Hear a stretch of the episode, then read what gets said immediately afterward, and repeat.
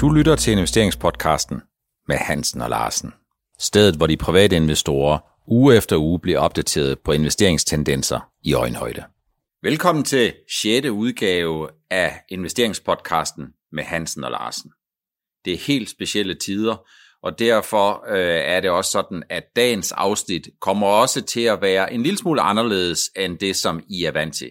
Jeg håber, I stadigvæk synes, det er umagen værd at hænge på, og vi vil blive ved med at opdatere jer på det, som præger øh, de øh, private investorer, når det drejer sig primært om aktier. Helge øh, holder øh, en lille smule afstand til mig i dag, men han tager ikke afstand, har han lovet mig. Han er med på en telefon. Øh, er du der, Helge? Ja, det er jeg, og tak for, for de, at de har så god teknik inde hos Nordnet, så vi kan finde ud af det her, når der er 60-70 km imellem os. Det er jeg meget glad for. Det er super godt, og det er dejligt, du er her, og jeg er sikker på, at der er mange, der også sætter pris på det. Det er fortsat sådan, at vi er meget afhængige af, at I sender os nogle af de gode spørgsmål og nogle af de idéer til at komme med emner. Tak for det. Adressen er fortsat investeringspodcasten snabelag nordnet.dk. Men inden vi sådan helt øh, kommer i gang, så er der en ting, som jeg sådan lige vil øh, gerne præcisere. Der er nogen, øh, som øh, øh, flere gange ligesom øh, siger eller antyder, at vi i det her program laver anbefalinger til den enkelte investor. Det gør vi ikke. Jeg kender ikke, og Helge kender ikke den enkelte investors investeringsportefølje, investeringsrisiko og investeringshorisont. Derfor laver vi ikke anbefalinger. Vi anbefaler ikke, hvad du som den enkelte investor skal lave, men vi håber, du synes, det er interessant, og du bliver inspireret af nogle af de tendenser, de temaer og nogle af de emner, vi tager op. Men det er rigtig vigtigt for mig at sige, vi anbefaler ikke noget til den enkelte investor. Det er helt enig i, Per. Det er jo sådan, det er. Øh. Det er godt. Dagens program, det er tæt pakket. Vi kommer rundt omkring noget med norske kroner, øh, og det styrtdyk, som den har været ude for. Vi skal omtale eller tale øh, samtale en hel del om oliepriserne. Vi, øh, der kommer en række spørgsmål omkring, om laksen stadigvæk spræller midt i nedturen. Vi skal snakke om hjælpepakker, om pengepolitikken er lempelig nok, hvad for nogle indikatorer man kan holde øje med, om det er smittetal eller det er antal døde, som er det helt afgørende for, hvordan investorerne de ser på krisen. Og så skal, kommer vi rundt om en række selskaber, som I jo har været så flinke at skrive ind, om vi kan omtale en lille smule øh, på øh, investeringspodcasten snablanordnet.dk. Og det er for eksempel noget om FL Schmidt, Avanza Gas, AP Møller Mærsk, og vi kommer også en lille smule ind på, hvad det er for nogle selskaber, som finansielt er så sunde, at de næppe eller næppe i meget stort omfang bliver økonomisk påvirket af øh, nedturen. Lad os gå lige på hårdt helge. Vi starter med norske kroner. Uh, hvad, hvad, ja. hvad, hvad, hvad skal vi mene om det? Altså, det er jo noget, vi har set gennem årene, at lige så snart øh, hovedernæringen, altså olien, falder i pris, øh, så sker, falder de norske kroner også. Og øh, man kan jo ikke sige andet end, at olieprisen den er faldet meget, meget kraftigt med øh, det udspil, Saudierne de lagde for dagen efter, at det ikke lykkedes at få russerne med på, øh, på, på et kort øh, af, øh, af produktionen her for, ikke, for ganske kort tid siden. Så lige pludselig, og det er du helt sikkert styr på, Per, så er olieprisen faldet meget, meget voldsomt, og det går også ud over den norske krone. Ja, man kan sige, at øh, der er om ikke en en-til-en korrelation, for så voldsomt har øh, norsk kroner, eller fald i norsk kroner jo heldigvis ikke været, men olieprisen er faldet med noget, der ligner 60 øh, procent siden dengang, for cirka to måneder siden, da amerikanerne de snimyrdede general Soleimani i øh, Irak, altså den iranske øh, general. Og jeg skal nok love for, at der er blevet øh, vendt op og ned på mange af de her ting. Men Norge er jo en olieøkonomi. Øh, det gode ved Norge, det er, at de har Petroleumsfonden, som jeg ved, har, jeg ved ikke, hvor mange øh, 100 milliarder øh, dollar liggende øh, i kassen. Den dårlige nyhed, det er, at den norske økonomi er altså meget afhængig af olie. Den er meget afhængig af offshore. Den er meget afhængig af alt det, der er relateret dertil. Og derfor er det nok alt i alt ikke særlig overraskende, at norske kroner sådan for alvor får på puklen. Men er du ikke enig med mig i, Helge, det er et ledende spørgsmål, at størrelsen af det alligevel overrasker lidt? Det er meget overraskende, men jeg er helt sikker på, at der er nogle øh, store hedgefonde, der er gået short i den norske krone. Det snakker man jo meget om, at, øh, fordi man får jo også den volatilitet øh, ind imellem, i, øh, når olieprisen stiger, og den stiger ikke ret meget, så får man altså en fantastisk stigning øh, på den norske krone. Det har vi set, hvis vi ser de, de, de, de svingninger her på det seneste. Øh, men, men der er ingen tvivl om, at, øh, at øh, langsigtet er det ikke så godt med, den, med, med olien i det her prisniveau for nordmændene. Det bliver svært for, øh, for, for, øh, for eksempel opdrætsnæringen at trække den op. Det kommer vi nok ind på senere.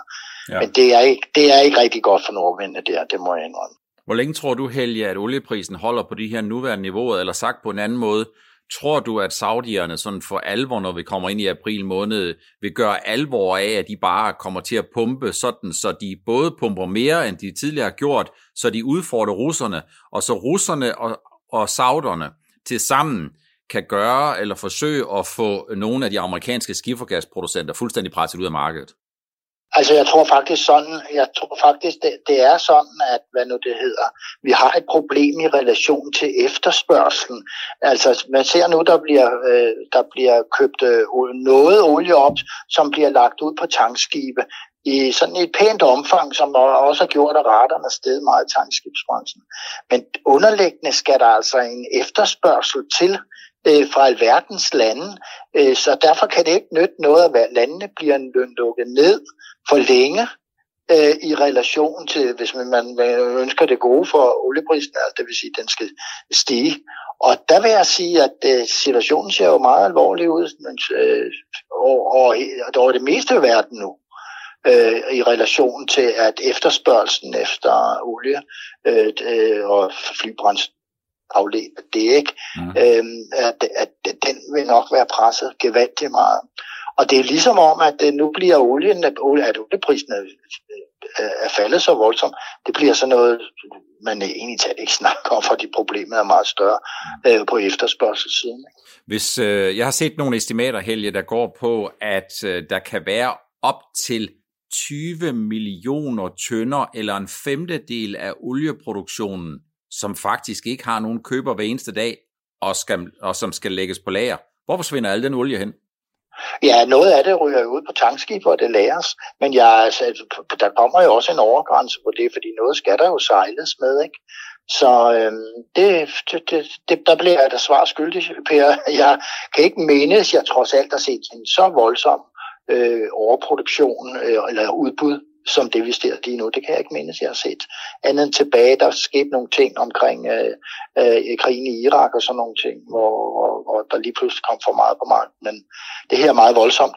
Og så er russerne kan jo stadig være med, for rublen er faldet, så der, der, for det, deres olie har jo et forspring, måske for Saudierne, fordi Saudiernes øh, valuta har, har holdt sig pænt stabil.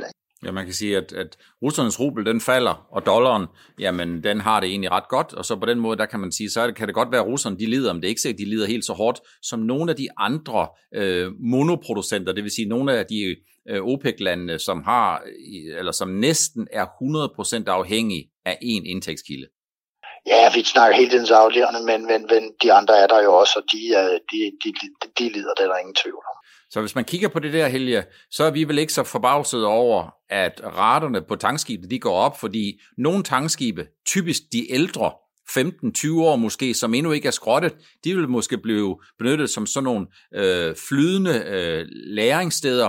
Ikke mindst fordi olieprisen er i markant contango, som det hedder. Det vil sige, det, som giver sig rigtig, rigtig meget, det er den korte ende af markedet, og det betyder, at der er jo nogen, der køber olie, så lærer de det nogle steder, og hvis de, øh, så lægger de to ting sammen, det vil sige olieprisen her og nu, plus de læringsomkostninger, der er, hvis de kan sælge dem til en væsentlig højere pris i, i forward-markedet om 6-9 måneder, så er det jo en god forretning, og det er vel det, der gør, at tankskibsraterne har det godt. Ja, det er helt klart. Det er jo sådan, mekanismen er. Øh, og så er grunden til, at kurserne måske ikke øh, altså kursudviklingen i tankskib ikke helt afspejler, altså det gør den faktisk ikke, øh, at man får, hvor store rate man får, det er jo fordi, at man er bange, investorerne er bange for den efterfølgende øh, efterspørgsel frem efter. Ja. Men det er meget godt, det, det er ligesom tisse i så nu kan vi få lov til at lære en masse olie, men I kommer ikke til at sejle med noget, fordi alle landene er lukket ned ikke, om tre måneder. Ikke? Ja. Så det er ligesom den, investorerne har med sig. Vi får også en del henvendelser, Helge, øh, af helt naturlige årsager til laksindustrien. Hvordan ser det ud for laksindustrien? Kommer laksindustrien øh, til at opleve både, øh, at vi har en økonomisk krise, men kommer man også til at sætte, hvad skal man sige, den optur og den pæne stigning og den vækst, der har været i laks de sidste år, bliver den nu sat på hold af, øh, at vi har den her økonomiske krise? Hvad tror du? Altså lad os se på, hvad der er sket med laksene, fordi normalt går laks jo godt, når olie går, går, går dårligt, eller shipping går dårligt. Så klarer laks sig rigtig godt i Norge, fordi så flygter investorerne over i laksesektoren. Men her er der jo, det her kan vi ikke engang snakke om en økonomisk krise, fordi der vil nok blive solgt noget laks alligevel, eller fødevare i det hele taget. Men det, der sker her nu, det er, at man lige pludselig får et problem med, at man men øh, øh, restauranterne lukker ned over hele øh, verden, catering lukker ned, hoteller lukker ned. Og så står det, det er jo, de udgør i hvert fald i USA og et par enkelte andre lande, sådan for 50 procent af afsætningen af, af laks, det ryger i den kanal. Øh, men i, i Europa er det kun øh, øh 30 procent, og 70 procent går til dagligvarehandel. Og det, som uh, lakseindustrien har været fantastisk god til op i Norge, hver, hver gang der er sådan uh, lidt krisehister her, så har de bare sænket priserne, og så supermarkederne bare købt som gale, og, og så sendt, solgt det ud på tilbud, så får man så så mange laksesnitter for 100 kroner. Det er sådan, det altid har kørt, så et overudbud har man kun få bukt med på den måde. Ja. Og det, der sker lige nu, det er, at man ikke har, øh, der har været der har ikke været så stort udbud af laks her i foråret, øh, og vi holder faktisk en god pris. Men vi, kan ikke, vi har et problem med, at vi ikke kan flyve. Øh, flytransporten er jo nedsat øh, over det hele, og øh, man har benyttet sig i lakssektoren, at man også har sendt laks øh, med passagerfly. Så man har et logistikproblem, øh, til USA, og man har også øh, lukket ned Kina, som man har, øh, som ikke har været det største marked, men, men der så man har også afsætningsproblemer der, øh, er, er rent, øh, fordi man ikke kan transportere laksen. Men hvis vi så ser på Europa, jamen så kører det i lastbiler rigtig, rigtig godt, og øh, man får jo leveret pænt meget ud øh, selv her øh, i de her dage, hvor der bliver lukket ned, så kører supermarkederne rigtig, rigtig godt. Og især kan man sige, at mange satser på, at de, de kører så meget på lager, at det, det ikke er ferskvaren, men er frossen laks. Og det kan man se, dem der er gode til det, og har nogle gode øh, folk, der øh, kan øh, fryse lynhurtigt ned, jamen der får man afsat en masse frossen laks. Så ja, altså den her sektor, den skal nok klare sig. Det, det, det er jeg slet ikke i tvivl om. Øh, man har øh, nogle gode priser nu, og, og man kan altså godt tåle nogle øh, magre måneder, øh, indtil verden lukker op igen, øh, så man øh, primært på restaurantområdet. Supermarkederne skal nok aftage det, de skal. Men konklu- så jeg er, så, jeg er fortrøstningsfuld. Konkluderende Helge, det skal nok gå, men der er ikke nogen, heller ikke laks, laksen, selvom den spræller, så er den ikke immun over for de her nedture, der er. Ja, og jeg, jeg, jeg er sådan, man kan, hvis jeg, nu kigger jeg jo meget på Bakkerpost, som er min største position, ikke? og de klarer sig glimrende i det her gode øh, supermarkedskontakter i hele Europa. Movi er over hele verden, øh, og øh, de bliver regnet også med at blive kraftigt ramt øh, på, på restaurationssalget, og så det, at de ikke kan bringe laksen med fly nogen steder. Ja. Vi skal videre til hjælpepakkerne af forskellige slags, og vi skal videre til nogle af de indikatorer, som jeg synes, at investorerne øh, de øh, med fordel øh, kan holde øje med. For det første, jamen, så synes jeg, det er sådan, at hvis man kigger til sammenligningen med 2008, så ligner det for mig øh, 2008. Det, der er forskellen fra 2008, det er to ting. Den ene, det er, at aktiemarkedet det falder ud af sengen øh, tre til fire gange hurtigere, end det skete i 2008. Og øh, politikerne, og finans- øh, og, og pengepolitikken, jamen den bliver bragt meget hurtigere i spil, end vi havde øh, i 08. Og jeg tror, at det er noget, som på den ene side beroliger nogle investorer, men som får andre til at panikke, simpelthen fordi de siger, hvis det vi så i 2008 er det, vi kommer til at se i 20, eller det vi ser i 20 er en øh, replika af, vi så i 2008, så tror jeg, man bliver nervøs over, at aktierne, øh, øh, store benchmark-indeks er faldet med 30-40% på en tredjedel af den tid, som var gældende i 2008, og det gør folk, øh, folk meget nervøse.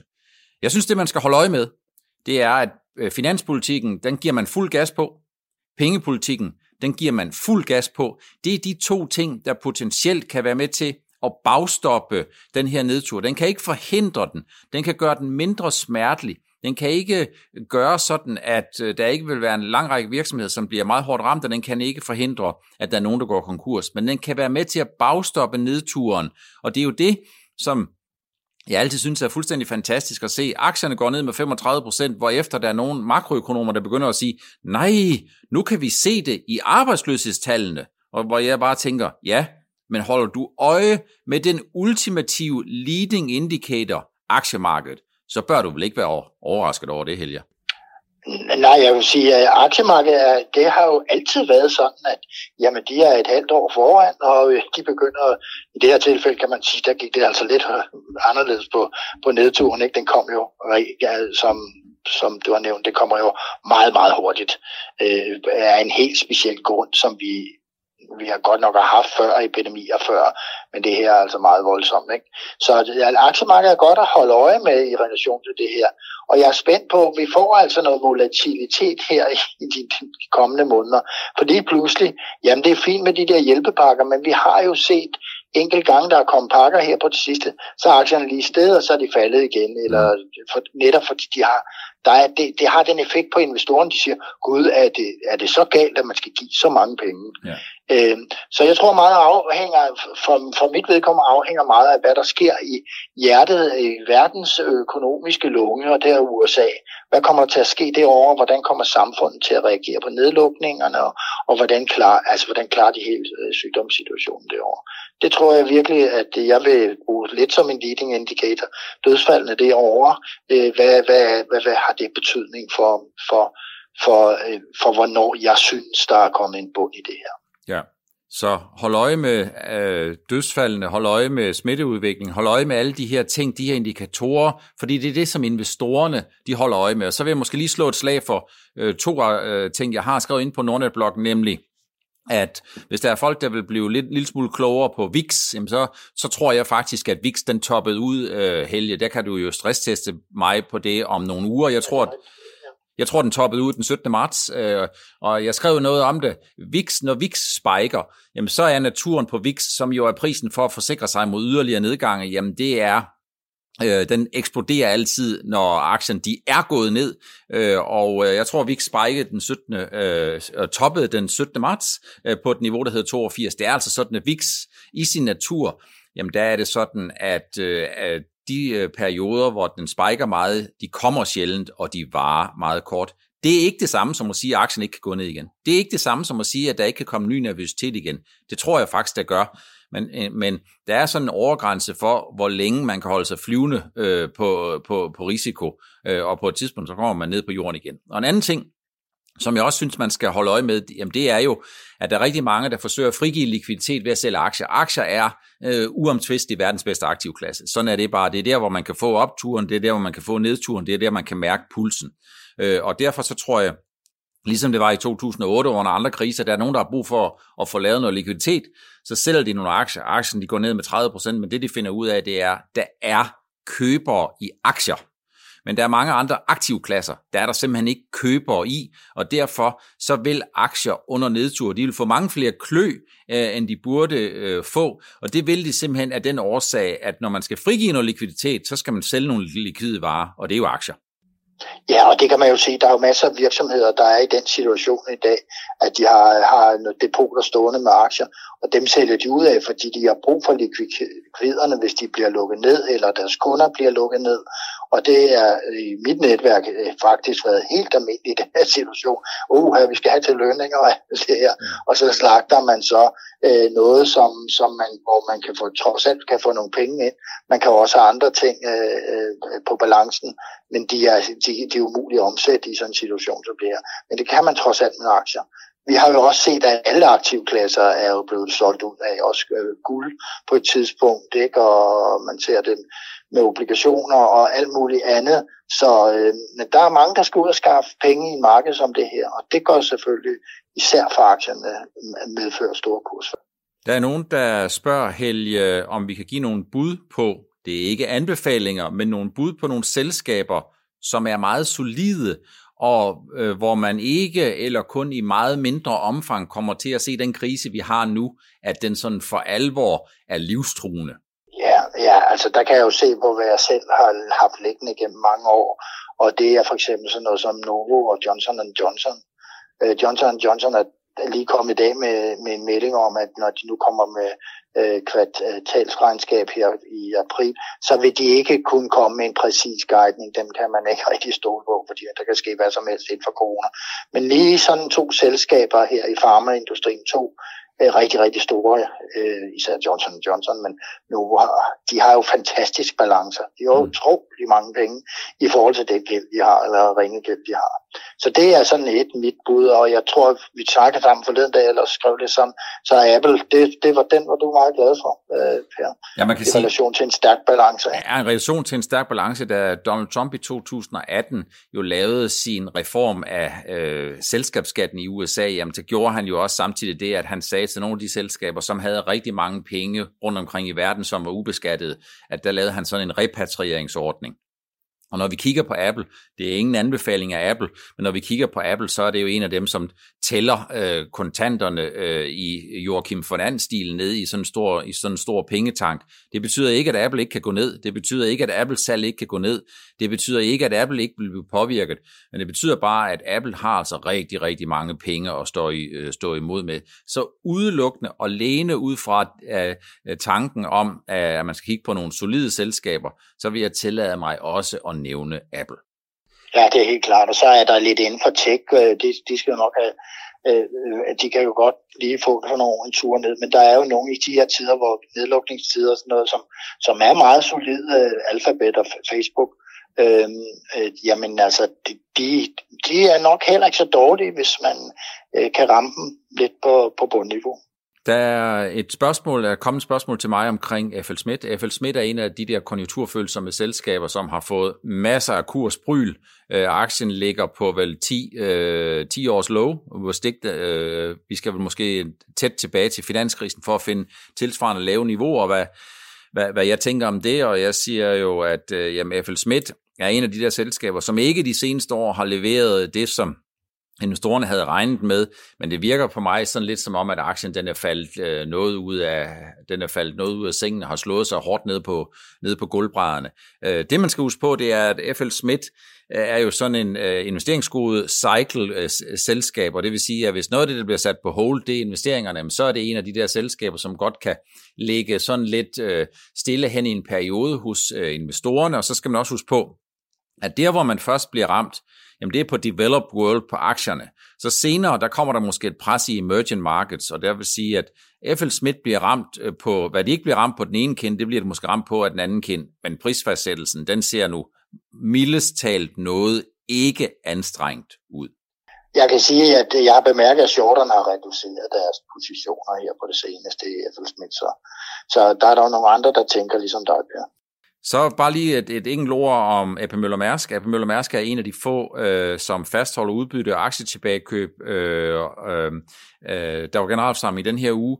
Øh, der er også et par stykker, der spørger mig, hvor plejer øh, bundniveauet at være i AP Møller Mærsk? Og det er stadigvæk sådan, at når man er nede og ramme noget, der ligner 0,5 gange book value, så plejer AP Møller Mærsk at bunde ud. Det er ingen anbefaling. Der er ikke nogen garanti for, at det kommer til at gentage sig igen, men det plejer at være omkring det der tidspunkt, hvor AP Møller Mærsk-aktien ikke går lavere. Og så vil jeg også bare sige, at hvis man kigger på Mærsk, øh, så ja, så bliver de ramt af, at der bliver mindre at sejle med. De bliver ramt af, at fragtraterne ligger lavere. Til gengæld har de ikke længere nogen olieeksponering, og til gengæld har de jo givet deres drilling-aktier væk til Mærsks investorer, det vil sige AP Møller Mærsk, de er netto ved en stor køber af noget, der ligner for 4-5 milliarder US dollar i brændstof.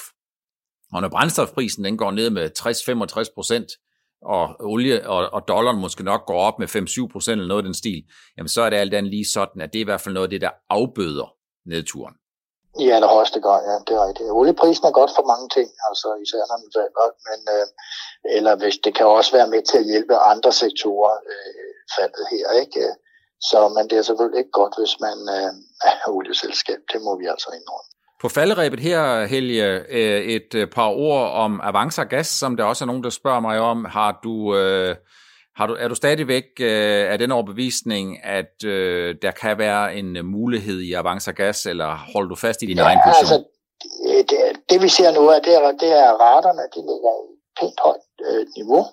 Øh, og øh, det, de, de, de skal nok tjene penge her i første kvartal. Så er problemet så fremadrettet. De har jo været gode til at sejle fra USA til Asien. Og med den lave oliepris, så kan amerikanerne altså ikke producere øh, propangas øh, til en konkurrencedygtig pris over for Asien. Øh, det kan de ikke længere. Øh, måske kan de i et par måneder endnu, men øh, så er det også slut. Men så kan man jo i stedet for, øh, med, med, med godt nok med en kortere sejltid, så kan man jo så sejle fra øh, Mellemøsten til Asien. Og øh, der kan man så sejle propangas, som bliver fremstillet i for eksempel Saudi-Arabien. Så det bliver altså fremtiden, altså at øh, jeg tror ikke, at skibene bliver arbejdsløse hos øh, Avance, og, eller på BVLPG, som øh, er et andet selskab, mange spørger mig om. Øh, det, det skal, der er, altså man bruger det meste af propangas, det bruger man til, til, til madlavning og øh, til opvarmning, altså sådan, øh, som vi kender det i de her gule øh, metal øh, øh, trumler der, mm. hvor man kører gas i ned på tanken. Det er sådan, det det, det bruges til. Industrielt bruges det i plastikindustrien, og der konkurrerer det med et andet produkt, der hedder nafta. Øh, men jeg vil tro, at øh, man står godt, øh, hvis man køber øh, LPG fra Saudi-Arabien fremover, altså kineserne og inderne og alt det her. Og så bliver det altså sådan nogle skib, avanceret skib som Avance og BVLPG, der kommer til at sejle med det. Vi nærmer os vejs ende på 6. afsnit af investeringspodcasten med Hansen og Larsen med på distancen. Jeg holder afstanden, men jeg tager ikke afstanden fra dig, Helge, jeg håber selvfølgelig på, at øh, du er tilbage fysisk øh, i næste uge, sådan så vi i afsnit 7 måske kan komme en lille smule ind på nogle af de mange andre gode emner, som øh, I som øh, lyttere øh, er flinke til at sende til os. Adressen er stadigvæk investeringspodcasten øh, snabelag nordnet.dk. Undskyld. Tak for i dag. Du lyttede til investeringspodcasten med Hansen og Larsen. Vi ses igen i næste uge.